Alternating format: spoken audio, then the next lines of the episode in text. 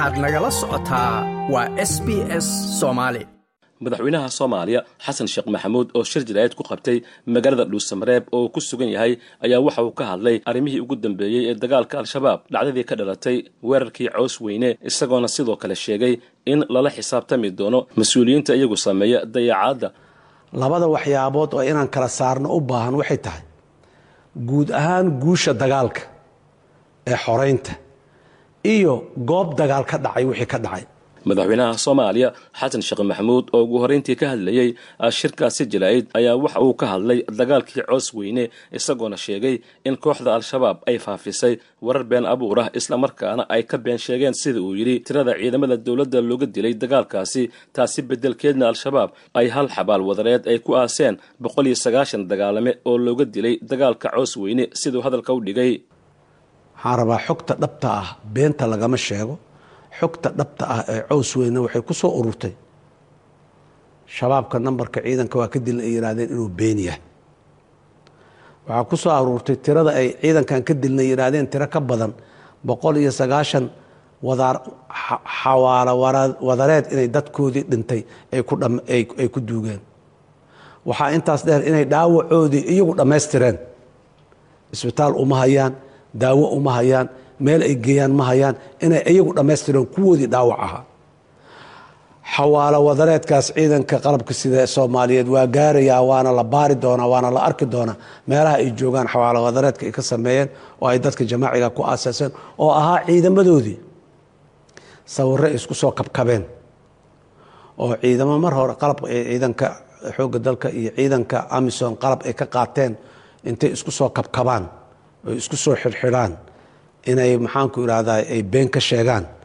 Waayo waxaa muxuu ahaay baraha baraha saxaafadda iyo miidiyaha wareegayo in badanoo ka mida waa run wiilaa naga dhintay dagaalaan aadna dagaal waa lagu soo dhintaa waa lagu soo dhaawacmaa guul iyo sharaf iyo heybadaa lagala soo noqdaa. Hooyada wiilkeeda dalka xoreynaayo sharafay ay dheer tahay hooyada wiilkeeda muxuu ahay meelo kale oo aan maslaxadda caamka ummadda aan ka shaqaynayn u darsatay waxbay dheer tahay. Madaxweyne xasan ayaa ku goodiyey inuu la xisaabtami doono saraakiisha iyo mas'uuliyiinta kale ee iyagu sameeya dayaacadda isagoona carabka ku adkeeyey in dowladnimadu ay tahay isla xisaabtan. Waxaa la joogaa wakhtigii geesiyaasha mudan in la abaalmariyana la abaalmari lahaa. Waxaa la joogaa wakhtigii kuwa awoodda ciidankee la siiye ku takrifalay khiyaanada sameeyey dadka mardabdabeeyey waagii lala xisaabtami lahay. Bilowgeedii waa la joogaa waana la isla xisaabtamayaa dowladnimo waa isla xisaabtan. Kuwa ka shaqaynaya in ciidanka ay tashwiish geliyaan waa ogaada waa shabaab. Noogama sokeeyaan kan shabaabka ay qoraqa iyo qaraxa wato noogama sokeeyaan.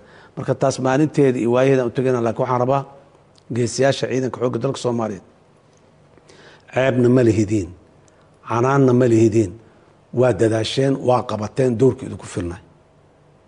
Dad idinku dhex jiro ama sarkaal ha ahaado ama askari ha ahaado ama qof kale ha ahaadee oo khalad sameeya hadduu jiro waa lala xisaabtamayaa laakiin khaladkiisiyaa qofna iyoanu ta'iirin waxaan leeyahay heybad iyo sharafaad leedihiin xuquuqdii dalkiina intuu awoodo maanta waa la idin siiyaa wixii dhammanna waa la idiin soo dhammaystiraa.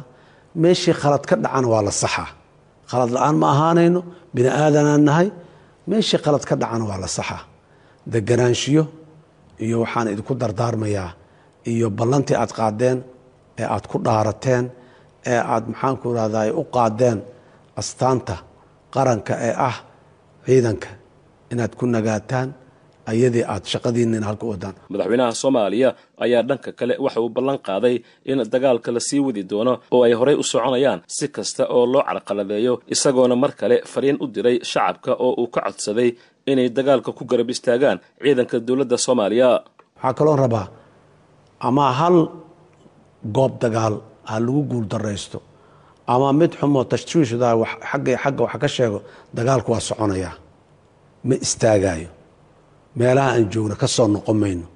Horeyaan u soconaynaa guusha kama dambaysta oon raadinaynaan gaaraynaa waxa muhiimadda ay noo tahayna waa guusha kama dambaysta. Ah guusha kama dambaysta waa soo dhowdahay shabaab maanta intii hore waa ka tabar yaryahay waa ka tiro yaryahay waa ka taya xun yahay.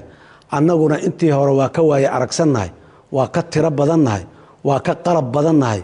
Waana ka badan guulo badanna waan haysanaa oo aanu haysanin cadowga haddaan taa intaa uga baxo waan u soo noqdo shacabka soomaaliyeed guud ahaan. Meel kastoo ay ku nool yihiin waxaa le walaalayaal dalku dagaaluu ku jiraa dagaal cadow ah oo cadow xun ah ayuu ku jiraa oo aan lahayn meel looga hara lahayn. Maanta xaaladeennu waa hal sile.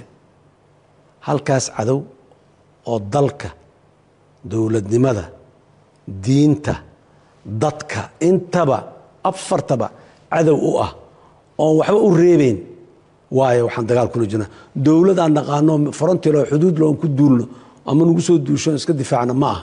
Shacabka soomaaliyeed ha garab istaageen. Meel kastoo ay joogaan ciidamada qalabka sida. Ha garab istaageen. Meel kastoo ay joogaan difaaca dadweynaha difaaca shacabka difaaca deegaanka wiilasha u istaagay ee jooga.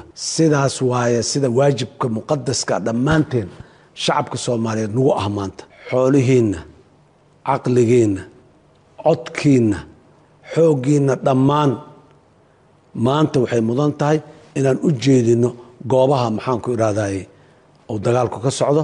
Inaan u jeedino garab istaagga geesiga qorga qaatay ee cadowga inuu soo dilo rabo si kastaba ahaatee shirkan jaraa'id ee uu madaxweynaha soomaaliya uu qabtay ayaa imaanaya xilli ay taagnayd xiisad culus oo qabsatay baraha bulshada. Tan iyo markii horaantii toddobaadkani al-shabaab ay weerar culus ku qaadeen deegaanka layidhahdo caws weyne ee ka tirsan gobolka galgaduud halkaasoo al-shabaab ay sheegeen inay ku laayeen askar fara badan oo ka tirsan dowladda soomaaliya waxaana kadib soo baxayay shakeeye ku aadan in ciidankaasi la dayacay oo arrintu ay ahayd mid ku talagal ah taasoo markii dambe keentay sida saraakiil ka tirsan dowladduba ay xaqiijiyeen in ciidamada dowladda dib uga soo gurtaan. Deegaano ay horey ugala wareegeen xarakada shabaab oo ay ka mid yihiin ceel dheere masegawaay webxo budbud iyo galcad oo ka kala tirsan galmudug iyo hirshabeelle walow ciidanka dowladdu ay weli gacanta ku hayaan degmada ceelbuur oo lix iyo toban sano kadib jimcihii gacanta u soo gashay.